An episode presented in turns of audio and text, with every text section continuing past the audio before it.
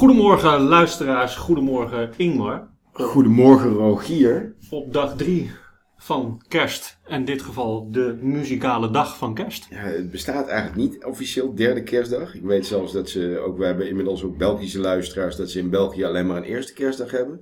Maar wij verlengen hem fantastisch mooi met een, uh, ja, een, een, een 40 jaar oud kerstnummer. Ja, we hebben, we hebben ehm, een kerstpolletje gehouden in de afgelopen weken. En daar kwam, uh, nou ja, ook wel leuk. Uh, jij bent lijstduwer geweest. En daar kwam. Een kleine invloed erop gehad. Een kleine invloed erop gehad, maar hij kwam toch uit. Dus de luisteraars hebben naar jou geluisterd. Dus wij gaan het vandaag hebben over Do They Know It's Christmas Time? Ja. Um, Band 8. Band 8 met, met uh, sluimerend op de achtergrond uh, uh, de top 2000. Ja. Dit jaar staat hij zeker ook in de top 2000 op nummer 1491. Dus we hebben hem gisteren, als het goed is, denk ik, gehad.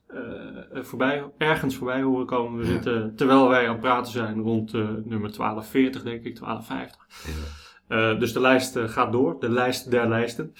Uh, ik denk dat iedereen hem ook gewoon kan meezingen. 40 jaar lang wordt hij al, elk jaar wordt hij uh, bijna uit een treuren wordt hij, uh, wordt hij gespeeld op de radio en eigenlijk overal. En het is ook wel een heel vet nummer. En met name de hele opzet daarvan is, is natuurlijk spectaculair en heel bijzonder. Ja, we mochten er een week induiken. waarbij ik toch wel uitzonderlijk veel ontdekt hebt. Ja, is niet zo raar ook. Hè? Als je kijkt naar de, de eventjes, even los van de oorsprong waar het begonnen is. Als je kijkt naar het aantal artiesten wat meedoet in deze band. Want die, uiteindelijk is het, een, uh, is het een bandcreatie die gemaakt is. Dan praat je totaal over, uh, over 40 mensen. Ja. 40 mensen die meedoen in één band. En dat vind ik wel een prestatie. Bob Geldof is, uh, is één, moet ik erbij vertellen, één van de grondleggers van, van het idee met name dat ergens begonnen is in 1944. Uh, Bob Geldof, bekend van de New Wave band, de Boomtown Rats. Die kennen we allemaal wel, vette band trouwens. En zijn vrouw, die er helaas niet meer is. Uh, en zijn vrouw was destijds, was zij BBC nieuwsreportage journalist. En uh, maakte een, een item over de verwoestende hongersnood destijds. En misschien is dat nog steeds wel zo, hè, in Ethiopië. Bob Geldof keek daarna en dacht van ja, dit is eigenlijk iets wat het eh, dichtst bij de hel komt. Maar dan op aarde. En daar moeten wij wat mee. En ja. uiteindelijk heeft hij dat niet heeft hij dat opgepakt en is hij dat niet alleen gaan doen. Uh, we, we, we, gaan zo meteen uh, komen op allerlei, allerlei dingen die er rondom deze song gebeurt. Maar traditiegetrouw. Ehm, om even iedereen aan boord te krijgen van welk nummer heb, als je hem niet kent, ja, welk nummer hebben we het dan, uh, dan over? Ja, ja. Uh, ik heb geen idee hoe vaak dat ding gestreamd en, en gedraaid is inmiddels in de afgelopen 40 jaar, of uh, bijna 40 jaar, maar uh, ja, een ongekend nummer. Ehm, ik laat hem even horen. Leuk.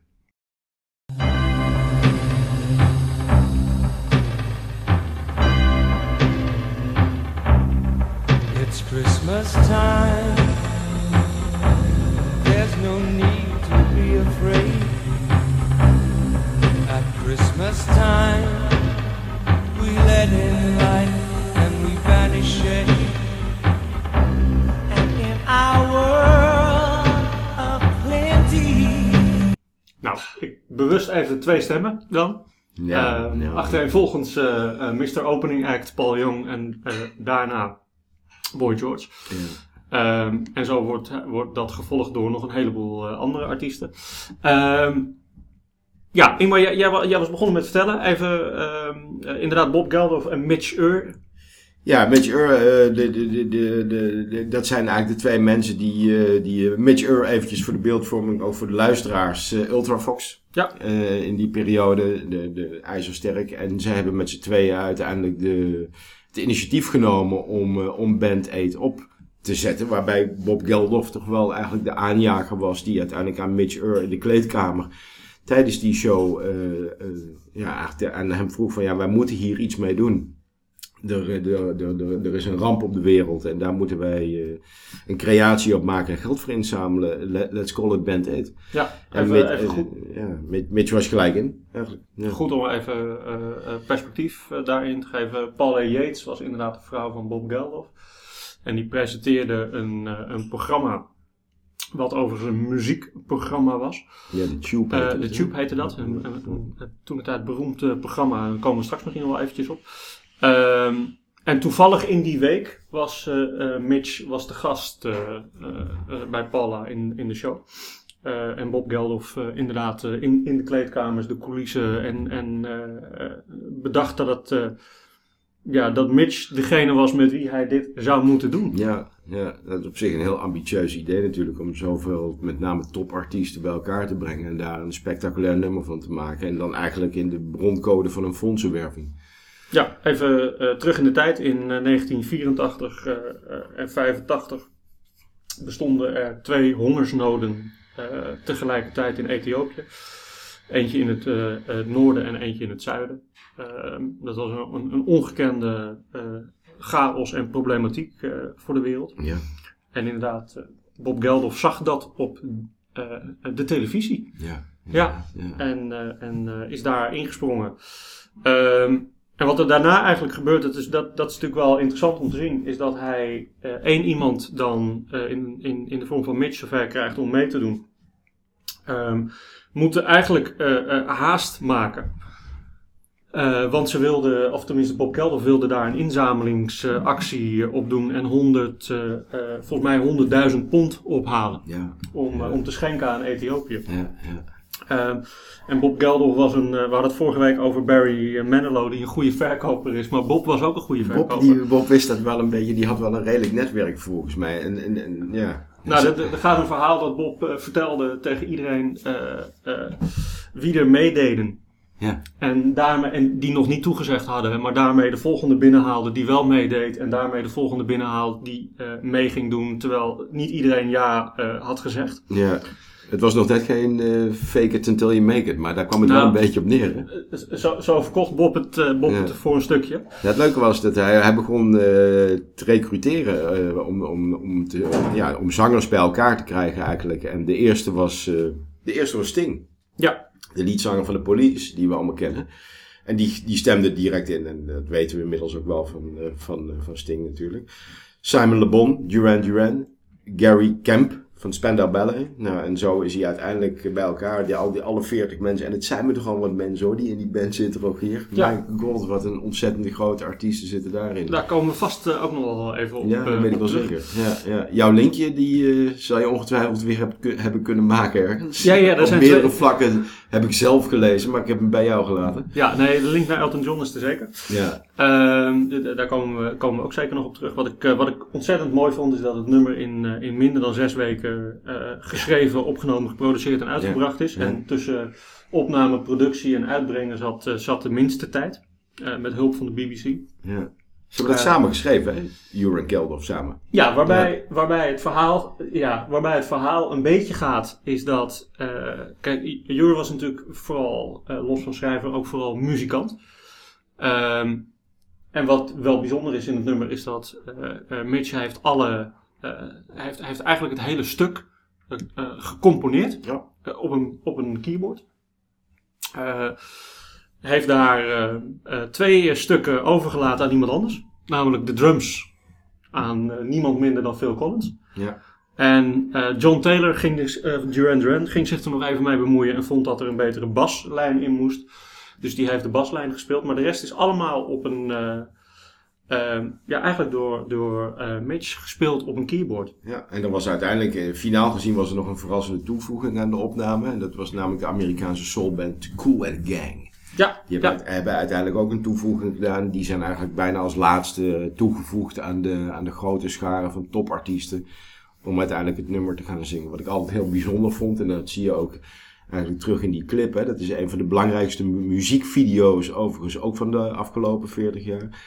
Dat het net lijkt of die mensen al eh, 700 jaar samen zingen. Als je die clip kan... Ja, heb jij er een andere mening over? Ja, ook de- wel leuk een keertje. Nou, de meningen zijn nogal verdeeld over het nummer. Waar Bob Geldof zegt, eh, zelf zegt, eh, dit is ook wel interessant om te weten. Bob Geldof eh, eh, zegt over twee songs, dit zijn echt, ik heb de twee slechtste songs ter wereld geschreven. Oh. Namelijk We Are The World en Do They Know It's Christmas Time. Ja. Eh, ik heb de wereld eh, eh, ja, ja, daarin niet mooier gemaakt qua, qua songs en qua muziek. Maar wel heel belangrijk dat ik het gedaan heb en ik ben er erg trots op. Ja. En Mitch was iets minder kritisch in de loop van de jaren op zichzelf, want die vond het een uitzonderlijk goed nummer. Ja. Ehm, waarbij overigens het verhaal later is geweest, is omdat zij hadden geen tijd om een cover ja, eh, eh, Nee, legal-wise te regelen. Eh, is dat het een, eh, een nummer is van eh eh, Geldof's band, hè, van Boomrats, ehm, die gebruikt is. Een oud nummer wat nooit gebruikt Ja. is. Ehm, is hebben ze het werk verdeeld. Bob Dylan, of eh, sorry, eh, Geldof is, eh, is de teksten gaan schrijven. En geprobeerd om daar een tekst omheen te bouwen. En Jur is aan de slag gegaan met het componistenwerk. Met het, eh, met het muzikale gedeelte om elkaar daarna weer tegen te komen. En, en eh, steeds maar verder te gaan eh, op, het, op dat wat er ontstond. Ja. Dus dat is natuurlijk wel, wel heel bijzonder om te zien hoe ze dat gedaan hebben.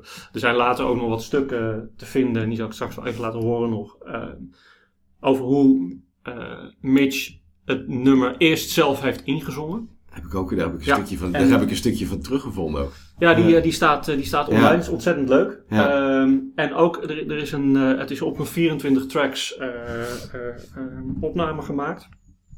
En er is een, een heel leuk filmpje waarin Mitch laat zien hoe hij dat in elkaar geschroefd heeft. En hoe elk van die tracks uiteindelijk bij elkaar komen en hoe hij dat keyboard, keyboard zeg maar, gebruikt heeft. Super, super leuk om te zien. Ja, bizar.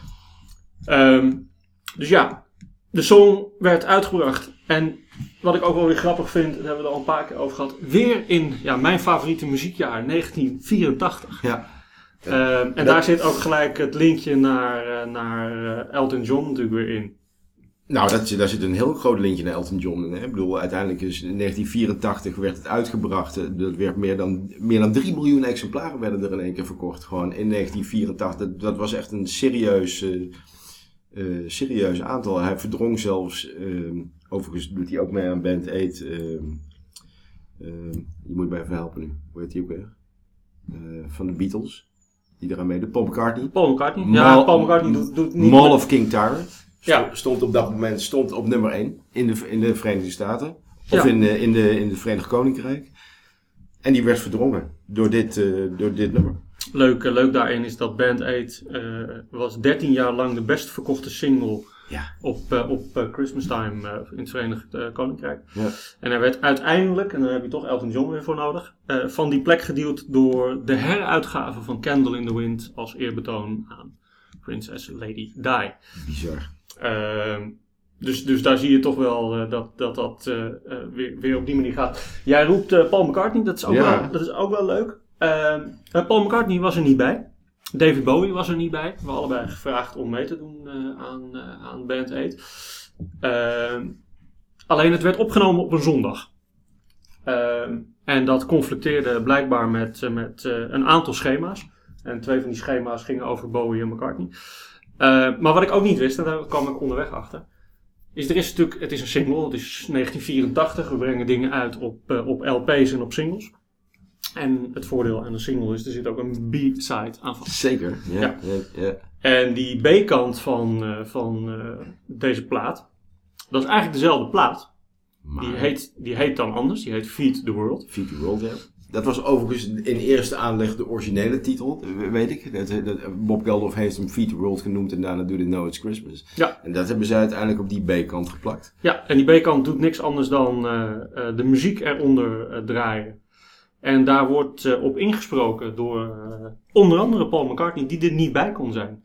Eh, ik heb, volgens mij heb ik dat klaarstaan. Ik zal dat even, even laten horen, dat is misschien wel leuk. Ehm Eén seconde, hoor. Dan pakken we die Ja, er even leuk. bij. Dit is, dit is de. B-kant van eh, eh, Band 8. Eh, en dat heet Feed the World. En dan hoor je Paul McCartney daarop inspreken. Hello, this is Paul McCartney. Sorry I can't be with you. there you go. En zo gaat de hele plaat door met Ik- allerlei mensen die daarop inspreken, inclusief David Bowie. eh, die, er, die er ook niet bij kon zijn, waarbij de discussie toen de tijd nog ging, is. eh, eh, het is later nog wel een dingetje geworden, is dat David Bowie eigenlijk de. Wat Paul Jong als eerste zingt, het eerste couplet, zou David Bowie mogen zingen volgens, eh, volgens David Bowie. Ja. Eh, Bob Geldof zegt later, nou dat, is, dat, dat had ik eigenlijk niet zo gezegd, maar vooruit. Er, er spelen wel wat intriges eh, tussen alle artiesten. Ja. Eh, ondanks dat het allemaal heel vrolijk en gezellig lijkt, eh, gebeurde er ook nog wel wat tijdens die opnames. Die opnames waren op een zondag en dat moest in 24 uur eh, gebeuren. Ehm, daar zijn allerlei verhalen van. Daar is een fitty tussen George Michael en Boy George, is weten we dat later. Ja, ja. Ja, George Michael volgt Boy George op in, in het nummer. En Boy George zegt op een gegeven moment: welke, welke idioot zit er achter mij? Eh, dus wie zingt er achter mij aan? Dat kan echt niet. Even in die, in die trant. Ja. Eh, ondertussen eh, wordt in die 24 uur eh, eh, wordt het opgenomen. Boy George was overigens de tweede stem op de plaat. Eh, of de tweede, ja, de tweede stem op de plaat. Maar kwam ongeveer als allerlaatste binnen. Eh, die, zat, die was namelijk bijna te laat. die was Ja, te laat. Ja, Die, absoluut. ja. En die is gevlogen in, geloof ik, drie of vier uur tijd. Ik, ik weet even niet meer waar vandaan. Amerika of Japan of waar die vandaan kwam. Maar in een Concorde. Zo hard als die kon, richting de studio. Eh, om daar toch, eh, want hij, hij zou meedoen. Hij werd gebeld door Bob Geldof van, Ja, wat, wat helemaal niet in het plaatje paste van een goed doel natuurlijk. Want eh, dat was, er was nog geen social media. Maar uiteindelijk kwamen er mensen wel achter dat hij inderdaad in een Concorde uiteindelijk zijn, zijn travel had gedaan.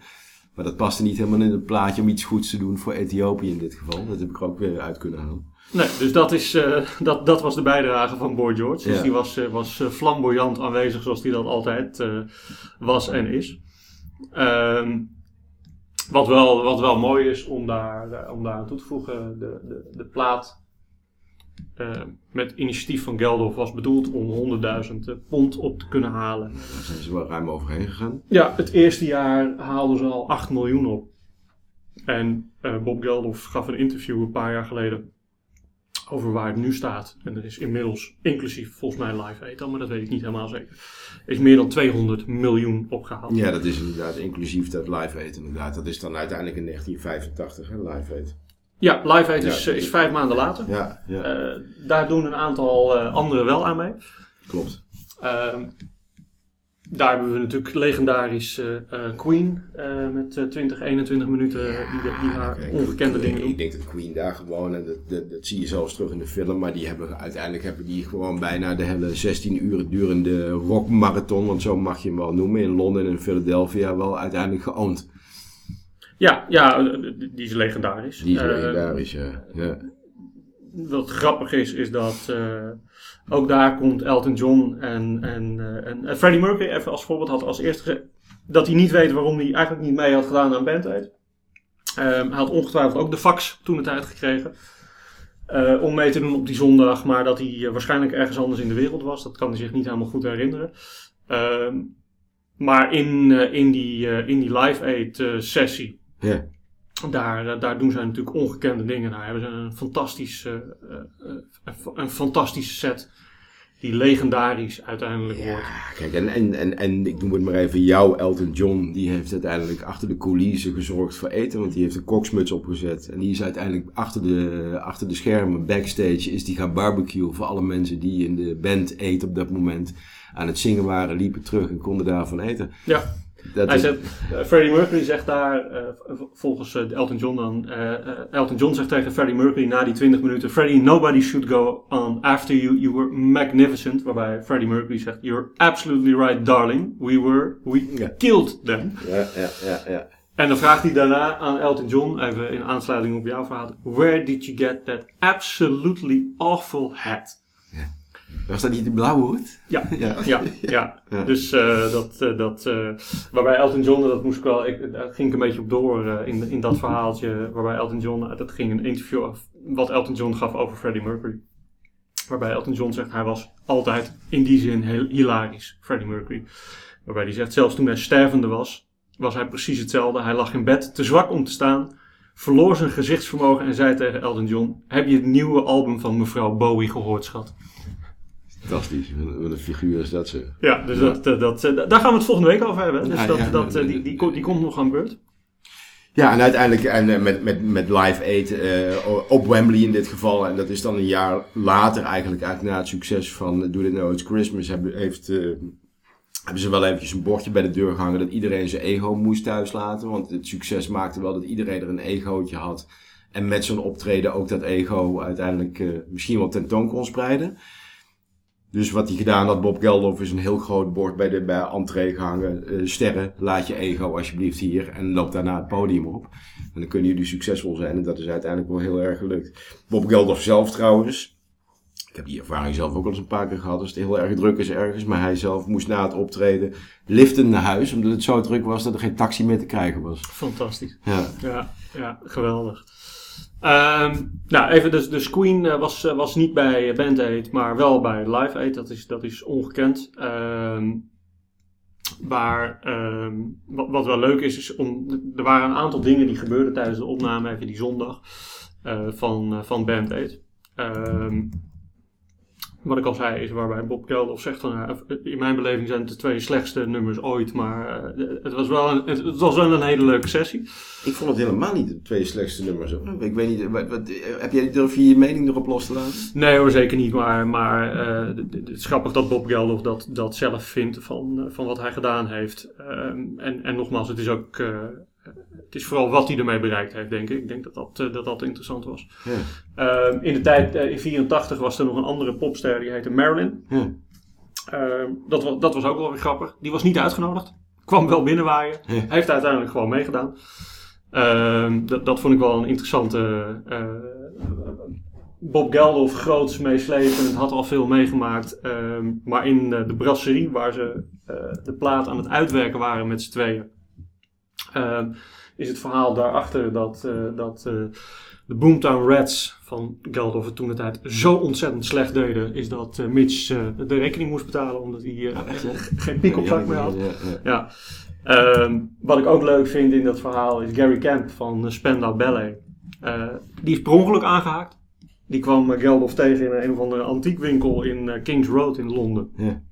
En werd gelijk door, door de salesman Mr. Geldof Eh, ja. gecornerd en gezegd: kom maar, kom maar op, jij gaat ook meedoen. Tot op de dag van vandaag, hè, qua salesman. Hij heeft het uiteindelijk helemaal niet meer kunnen evenaren. Dat grote succes wat hij destijds had. Maar uiteindelijk zit hij volgens mij in de derde sessie al van, eh, van, band, eh, van, van Live Aid. Ja, Dat, Ja. Dat, dat is de, de derde of de vierde zelf zijn ze mee bezig. Ja, begreep, ik- begreep ik iets uit. Ik vond hem ook lastig. Ik, ik weet wel dat, hij, eh, dat, dat er een soort Band 830 nu is. En ja, mij- die was er al. En dat, volgens mij is er nu. eh, Is Is er er nu eh, een, een volgende sessie weer? ja. Ja.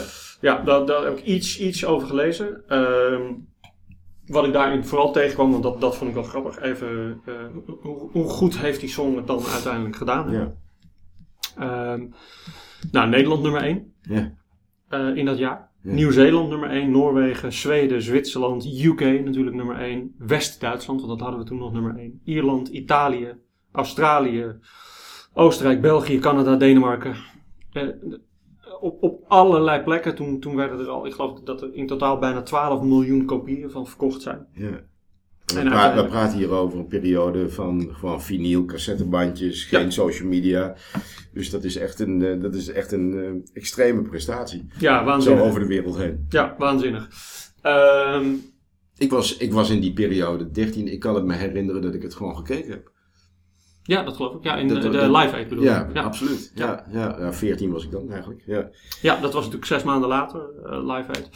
Ehm Band Aid werd, werd uitgebracht eh, op volgens mij op 3 december uit mijn hoofd, als ik het goed zeg. Ehm, Maar dat was me wel een jaar. Hè? Bedoel, tijdens, het, eh, tijdens de zoektocht naar, eh, alle leuke informatie rond deze band kwam ik uiteindelijk in 1984 allerlei dingen tegen. Maar wat ik dan zeker niet onbesproken wil laten, is dat op 24 januari 1984, eventjes los van de hele band, maar dat vond ik wel spectaculair, voor het eerst een Apple Macintosh computer gekocht kon worden in Nederland. Ja, met weten we uit de podcast van ehm, eh, Elton John. Ja. Is dat daar Nikita, volgens mij was dat in die video. In die, ja, inderdaad. In die, ja, inderdaad. Ik weet niet helemaal zeker wat ik nu zeg, maar dat, dat is in ieder geval weer gelinkt aan Elton John. Dus Nou ja, daarmee kijk, heb ik de- een, de- eh, Elton- een- El- eh, terug naar de muziek inderdaad. Elton John, maar ook de Nederlandse band Doema, die stopt er in dat jaar mee. De, de, Marvin Gaye wordt overigens in dat jaar ook eh, spijtig genoeg doodgeschoten. Eh, dus dat is een, een spectaculair jaar. Ja, qua muziek zeker. Ja. Ehm, de plaat wordt, eh, er wordt opgenomen, eh, wat ik al zei, op een zondag. Ehm, wat ik interessant vond. Excuses. Geeft niet. Wat ik interessant vond is. ehm, George Michael speelt daar een prima rol in, in, die, in die opname. Maar dit is de tijd van Wham, 1984. Zeker. Waarbij er ook staat, Wham was uitgenodigd. En toen dacht ik, maar Andrew Ridgely heb ik niet gezien. Nee, die was er ook niet. Nee, weet je waarom die er niet was? Nee. Ik, ik riep net al iets over de fax. De uitnodiging werd per fax naar het kantoor van Wham gestuurd. Die heeft de fax niet gelezen. Nou, die heeft de fax wel gelezen. Ehm, die werd naar het kantoor gestuurd.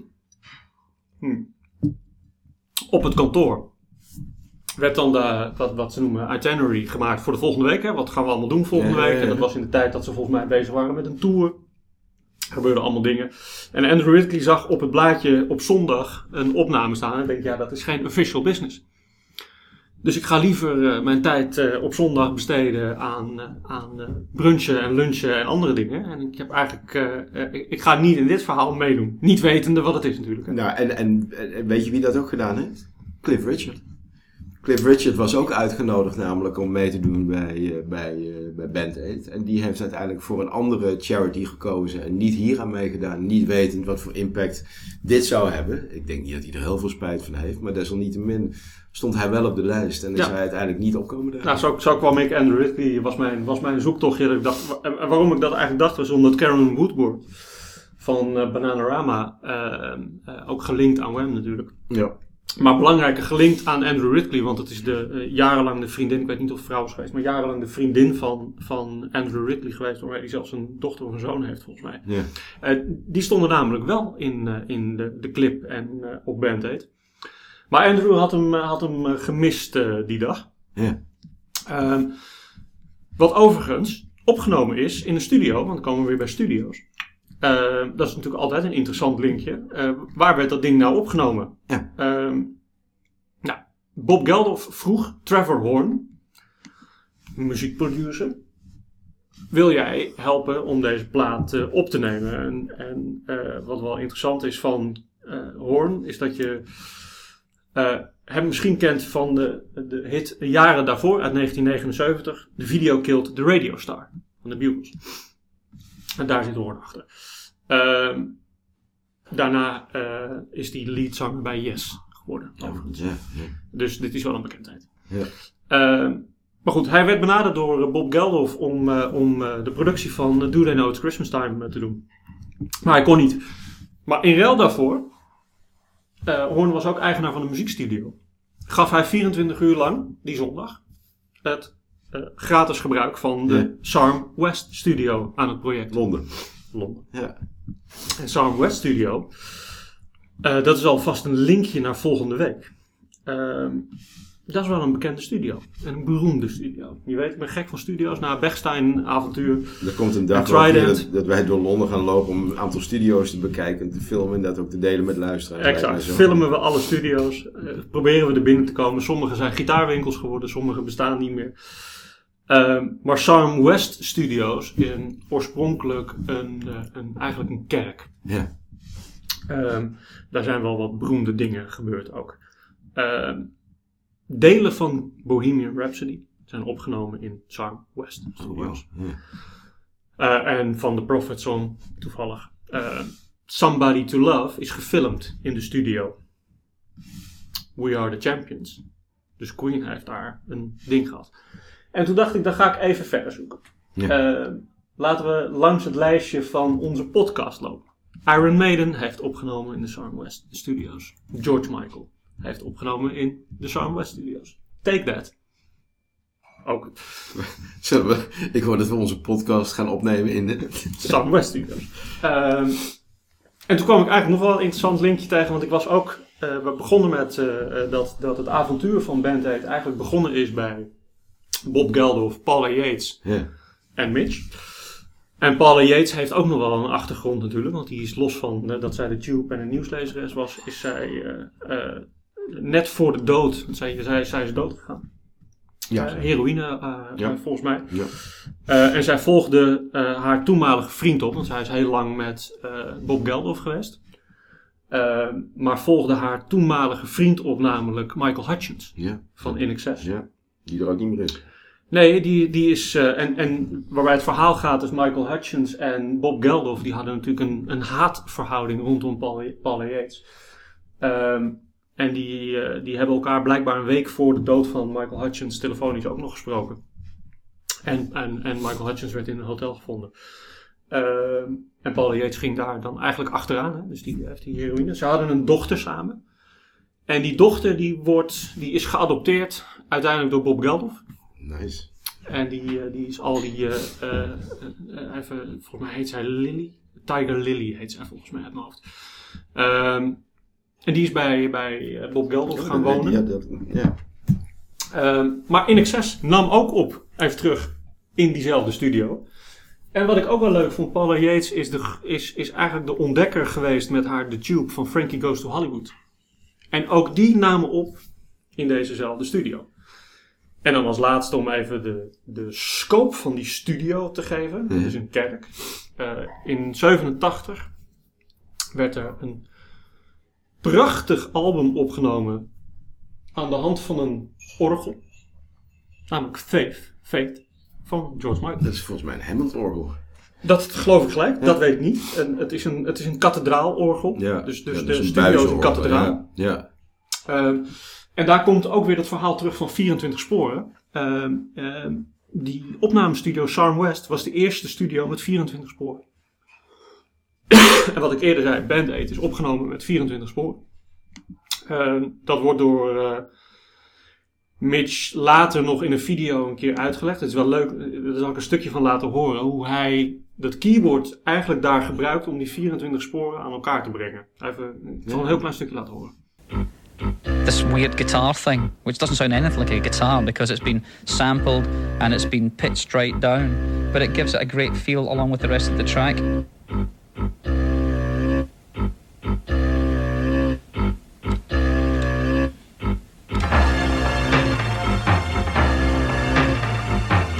Heb je überhaupt veel kunnen vinden van mensen die uiteindelijk instrumenten spelen? Buiten dat ik weet dat de drums werden in één take overigens gespeeld door Phil Collins, zeker in het begin. En het, het begin van het liedje is, als je heel goed luistert, eh, ik heb daar niet een voorbeeld van, maar als je heel goed luistert, is het een vertraagde sample van The Hurting van, de van Tears Fears.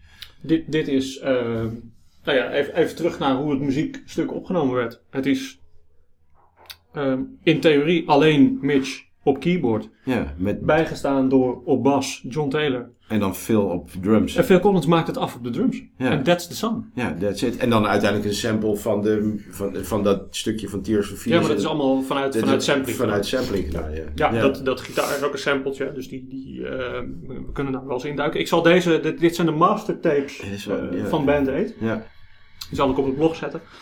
Dat is wel leuk om dat te luisteren. En wat ik eerder zei, ehm, er is ook een demo-tape. Die dan niet ingezongen wordt, logischerwijs, door Paul Young, Nee, of maar, Boy George, of George door- Michael, maar door, door Mitch. Bob Oh, door Nee, nee, Mitch, oké. Mitch. Ja, door Mitch. Ja. Ja, dus als je, als, je, als je dit hoort, ik zal hem aanzetten. It's Christmas time, and there's no need to be afraid. At Christmas time, we let in light, we banish shade, and in our world of plenty. En daarna komt Boy George. Ehm, dus, dus dit is ja. het stukje van Paul Young. Ja. Eh, dus dit is het moment dat Mitch eh, de, de, de muzikale productie af had. En er eigenlijk een demo van moest maken. Waarschijnlijk voor Bob Geldof.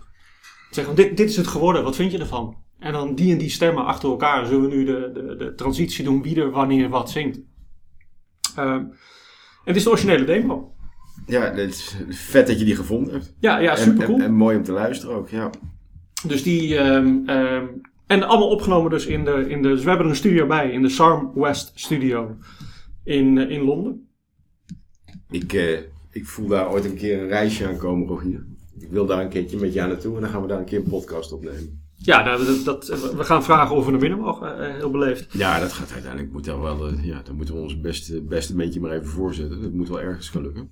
Ehm, iets anders waar ik, eh, waar ik tegenaan liep, want wij, wij hebben het wel eens verteld aan luisteraars. Eh, op onze website hebben we een, eh, kleine webshop waarin we eh, albumhoezen op een hele speciale, bijzondere manier printen op aluminium. Dat ziet er heel tof uit. En dat, dat komt een beetje voort uit de interesse voor, voor albumhoezen. Dus ik was natuurlijk benieuwd. Er is een albumhoes van Do They Know It's Christmas Time. En die is getekend eh, eh, door Peter Blake. En Peter Blake is ook wel eh, eigenlijk legendarisch. Want hij heeft een andere ongekend mooie hoes eh, mede ontworpen. Samen met iemand anders. is Sgt. Pepper's Lonely Hearts Club Band. Hij Beatles. ook heel erg. Ja. Ja, die, eh, die komt ook van zijn hand. ja. En de posters van Band Aid komen ook allemaal van zijn hand. Dus hij was, eh, los, los van een artiest, was hij ook een tekenaar, zeg maar. Dus de, wat, ik, wat ik natuurlijk echt bijzonder vind aan zo'n eh, zo'n Band Aid project en Live Aid later. Ja, er werken zo ongelooflijk veel mensen uiteindelijk belangeloos aan mee. Want een, een studio wordt gratis weggegeven. BBC geeft gratis tijd voor de, voor de promotie van, eh, van het verhaal. Ja, en, en allemaal met zwaargewicht. En dat is daar, daarna is dat nog een aantal keer eh, proberen te, te, te reproduceren. Waar George Michael toen van zei, dat ga ik nooit meer doen. Want die zwaargewichten die toen op het podium stonden, die kan je nooit meer op deze manier terughalen. En het effect is dan ook weg in die periode dat de oorlog... eh, Ah, de- oorlog in Irak was, eh, was, het, eh, was, het, wa- was daar nog sprake van om zo'nzelfde activiteit uit te halen. En George Michael is daar destijds gewoon voor gaan liggen. Met name, en heel duidelijk te zeggen, alle artiesten zijn eigenlijk veel te licht. Gaan we niet doen. Ja, wat ik, wat ik grappig vind is dat eh, Bob Geldof doet het dan nog een keer. Ja, Met de tweede song die hij de lelijkste van de wereld vindt. Namelijk We Are The World. We are the Waar, world. waar er ook even wat artiesten op getrommeld worden. Zeker, ja. ja. Wie weet komt hij ooit nog voorbij. Eh, als, als, nieuwe, als nieuwe podcast. Eh, maar deze, ja, dit, dit is natuurlijk ongekend hoeveel mensen hier aan, meegedaan hebben. En, en de song blijft maar doordraaien. Bob Geldof zegt zelf van, ik, ik word helemaal gek, knettergek van die song. ja, absoluut. ik kan hem niet meer aanhoren. Nee, maar hij raakt wel bij heel veel mensen. Er zit een sfeertje in die song wat, eh, wat uiteindelijk een emotie oproept. En dat vind ik wel fantastisch bij het nummer. Ik vind het een fantastisch nummer in ieder geval. Ja, ja, absoluut. Ik vind Ja, het, ja. nou ja, je, dat je, kan- je eh, was lijstduwer van dit ja, nee, verhaal. absoluut. Ik blijf daar gewoon een hele... Ja, het is, het is echt een kerstemotie. Alleen je moet je afvragen of het daadwerkelijke effect... waarom het nummer ooit de wereld ingeholpen is... ook het effect heeft gekregen. Dat kan ik allemaal niet zo goed beoordelen. Nee, ben ik ook niet ingedoken, moet ik heel eerlijk Nee, bekennen. Omdat ik, nee. het, ik wilde het, het nummer muzikaal eh, ontleden. En ik denk dat, en dat lees je ook wel terug op internet, hier ongelooflijk veel van gevonden kan worden. Dat ja, gaat er over, wordt heel veel gevonden. Dat vond ik wel het complex ook een beetje bij de zoektocht. Want er zijn duizend en één mensen die hebben uiteindelijk daadwerkelijk een kritische noot op. Niet alleen op het nummer zelf, maar ook om de insteek daarvan. Met name omdat het daarna ook gewoon heel erg commercieel uitgebuit werd. En Ah, nog dat- steeds opnieuw, zeg maar, Band Aids Ja, eh, in elkaar gedraaid eh, moest nou, dat is een deel. En het tweede deel gaat over dat, dat Mitch Shure en, en eh, Bob Geldof ook, ook wel in wat, wat lelijke gesprekken terecht zijn gekomen samen. En wat, Ja. wat modder gooien. Er is veel te doen over wat gebeurt er nou echt met het geld. Hè? Dus daar komen jarenlang royalties uit. En wat, wat gebeurt daarna? Dat, Zeker. ik ben daar niet ingedoken. Nee, ik ook niet. Nee. Ik wilde het nummer even puur en zuiver houden. En, en in die zin muzikaal ontleden.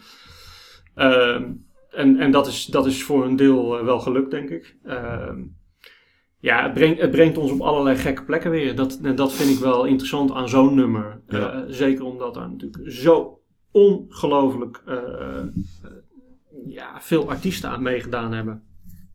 Ehm, en uiteindelijk, ehm, ja, mensen die meedoen. Dus wat ik zei, even het voorbeeld van zo'n zo'n zo'n zo'n muziekstudio, zo'n Hoorn. Eh, die, die zijn studio beschikbaar stelt. En die studio leidt dan ook weer tot dingen. Ehm, ja, prachtig. Even Hoorn produceren overigens wel de B-kant. Dus dat, dat, dat deel Oh ja, wat ik net liet ja. horen, dat is wel grappig hè. Dus het deel wat ik net liet horen ehm, ehm, eh, met de stemmen van Paul McCartney, David Bowie. Eh, eh, Annie Lennox, die zou er eigenlijk op moeten staan, maar Annie Lennox stuurde iets, eh, maar iets te laat. Ja. Die deed een Boy George bijna, dus dat, dat, die is er niet op, op terechtgekomen. Het is op dat, wat dat betreft toch met, met, precies met het opbouwen daarvan best goed geregisseerd. Hè. Er gaat ook een verhaal, en of dat klopt laat ik in het midden, dat, dat Status Quo, twee zangers, Rossi en Rick, uiteindelijk een soort hoofdrol zouden spelen in dit nummer. Maar ze de, in de studio zelf dat zo slecht uitvoerden, dat ze met name door Sting uiteindelijk gedumpt zijn. En zeggen, dat gaan we even niet doen. Dit is gewoon too bad. Ja, Dus uiteindelijk is er in die, in die, in die, in die ruif van 40 artiesten een hele andere creatie gemaakt dan Bob Geldof met name in eerste aanleg eh, had, had bedacht. ja, en die artiesten hebben natuurlijk ook eh, over elkaar dan eh, op dat moment een mening. Er gaat, er gaat, Absoluut, ja. Er gaat ook nog een gerucht, dat komt dan terug bij de studio's waar we, net, waar we het net over hadden. De deuren van de wc van de studio waren kapot getrapt. En eh, daarvan kreeg door, door de andere artiesten blijkbaar in eerste instantie de jongens van Spandau Ballet de schuld. Klopt. En uiteindelijk zijn het de boys van Status Quo geweest. Die daar de boel in elkaar klopt. Die daar de boel Ja. in elkaar getrapt Ja. hebben blijkbaar. Ja. Omdat ze vastzaten of iets, eh, iets, iets wat... Ja, er was een soort, er was een soort, soort, eh, soort gekkigheidje werd, werd eruit gehaald volgens mij. En dat liep de verkeerde kant op. Zoiets was het geloof ik. Ja. Ja. ja. Even, ehm, wat wel leuk is, over, even, even nog terug naar vorige week. Eh, Robbie Williams. De, diezelfde hoorn Ja. produceerde, even dan terug naar een linkje naar Ro- Robbie Williams, eh, het album Reality Killed the Video Star van Robbie Williams in 2009. Hmm. En dat was eh, een klein beetje een eerbetoon even van Robbie Williams aan eh, de hit van, van Horn met de Bugles. Video Killed the Radio Star. Ehm, ja, leuk. Dus, dus daar zijn, eh, er zijn weer allerlei linkjes eh, gemaakt Ja, en te vinden nou en ja, gedaan. Het is bijna, het is bijna eh, nou, als je kijkt naar als je 40 artiesten pakt, zijn er eigenlijk altijd linkjes. En kun- kunnen we denk ik wel uren daarover gaan, gaan praten, wat we niet gaan doen. Maar, Nee, want wij, wij zitten in, in ehm, eh, voorbereiding op de nummer 1 van de top 2000. We zijn aan het aftellen ehm, eh, naar de top 2000 nummer 1. En onze nummer 1 eh, eh, van de top 2000 is ook de nummer 1 die wij beetpakken, namelijk Bohemian Rhapsody. En daar proberen we... your favorite, Rogier. Nou, dat, dat is niet per dat je dat definitie... heel graag wilde ja, natuurlijk. Ja. het is niet per definitie mijn favoriete nummer, maar het leek me ontzettend leuk om daar, om daar wat dingen over te gaan zoeken. Ik, heb daar, ik heb daar zin in. Ja, dus daar zijn we ons druk op aan het voorbereiden. richting volgende week, richting het einde van het jaar. Richting de laatste podcast van 2022. Zeker. Waarbij, Eh, waarbij de ene laatste dan, en dan zal ik die energie er wel even uitpersen qua stem. Dat in dit geval, en dat hebben de luisteraars ook gehoord, Rogier behoorlijk wat aan het woord geweest is. En ik mijn snuitneus en mijn nies een beetje proberen in te houden. Ja, Eh, dus dank daarvoor, Rogier, dat jij daar eventjes... eh, het is, het is griepseizoen. En, eh, ja, dat, dat neemt niet weg dat we gewoon een podcast opnemen, maar dat mijn, dat mijn spraakritme wel even op een ander niveau ligt dan bij de vorige podcast. Ja. Dus bedankt Dus- voor het begrip, luisteraars. Aan de aspirintjes en, en de, de, de, de, de, de, de griephulpmiddelen. Eh, volgende week duiken we in de number one. Bohemian Ja, Rhapsody. we gaan, ja, die gaan we het pakken nemen. Leuk luisteren, maar ook op- in de top 2000 natuurlijk. En dan kan je daarna, en ook al is er veel over eh, geschreven en veel over verteld en veel over gevonden, weet ik bijna zeker dat wij met iets gaan komen waarvan je denkt, hé, hey, Nou ja, het eerste wat ik, eh, en dat zal ik uitdiepen verder, want dat, dat, dat linkje eh, zei ik, maar meer heb ik er ook niet over gezegd, is dat een stuk van Bohemian Rhapsody in de, eh, eh, eh, in de studio's is opgenomen, waar dus ook eh ja.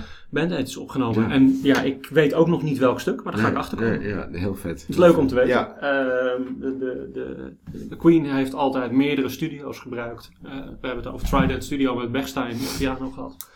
En nu komt Charm West eh, Studios voorbij. Dus we gaan, eh, we, we gaan eh, op allerlei manieren erin duiken en kijken of we er een heel bijzonder verhaal van kunnen maken. Bohemian Rhapsody als laatste van dit jaar. We hebben inmiddels flink wat aanvragen gekregen voor nieuwe nummers. Die zullen we ook in beeld brengen strakjes, ook op onze website. En nou, die zullen we dan bekend gaan maken in de eerste week van het nieuwe jaar. En misschien is het leuk, en dat was een idee dat we vorige week opperden om misschien een soort top 20 of top 30 te maken. En gewoon de luisteraars te laten kiezen welk nummer uiteindelijk in een podcast moet komen. We gaan, eh, we gaan nadenken over eh, de opzet, eh, hoe we dat vanaf nu gaan doen. We hebben er nog een aantal liggen. Ehm, dus eh, ja, let's go on. Nou, dan- Ingmar, beterschap voor nu. Ja, dank je. Fijn dat je even die ruimte wilde nemen om het wat meer over te pakken dan normaliter. Ik ga iedereen een. Ja, spreken we elkaar nu met. de- spreken we de luisteraars voor oud en nieuw? Ja, zeker. Nou, Oh ja. Of, wanneer we hem opnemen weten we nog niet, maar waarschijnlijk gewoon de, de, de eerste volgende dag, eh, eh, eh, volgende week die we kunnen opnemen. Nee, Dan staat Bohemian Rhapsody op het programma. Ja, En tot die tijd veel plezier met eh, de top 2000 en alle songs die daarbij horen. genieten is dat. Zeker. En eh, tot volgende week. Tot volgende week.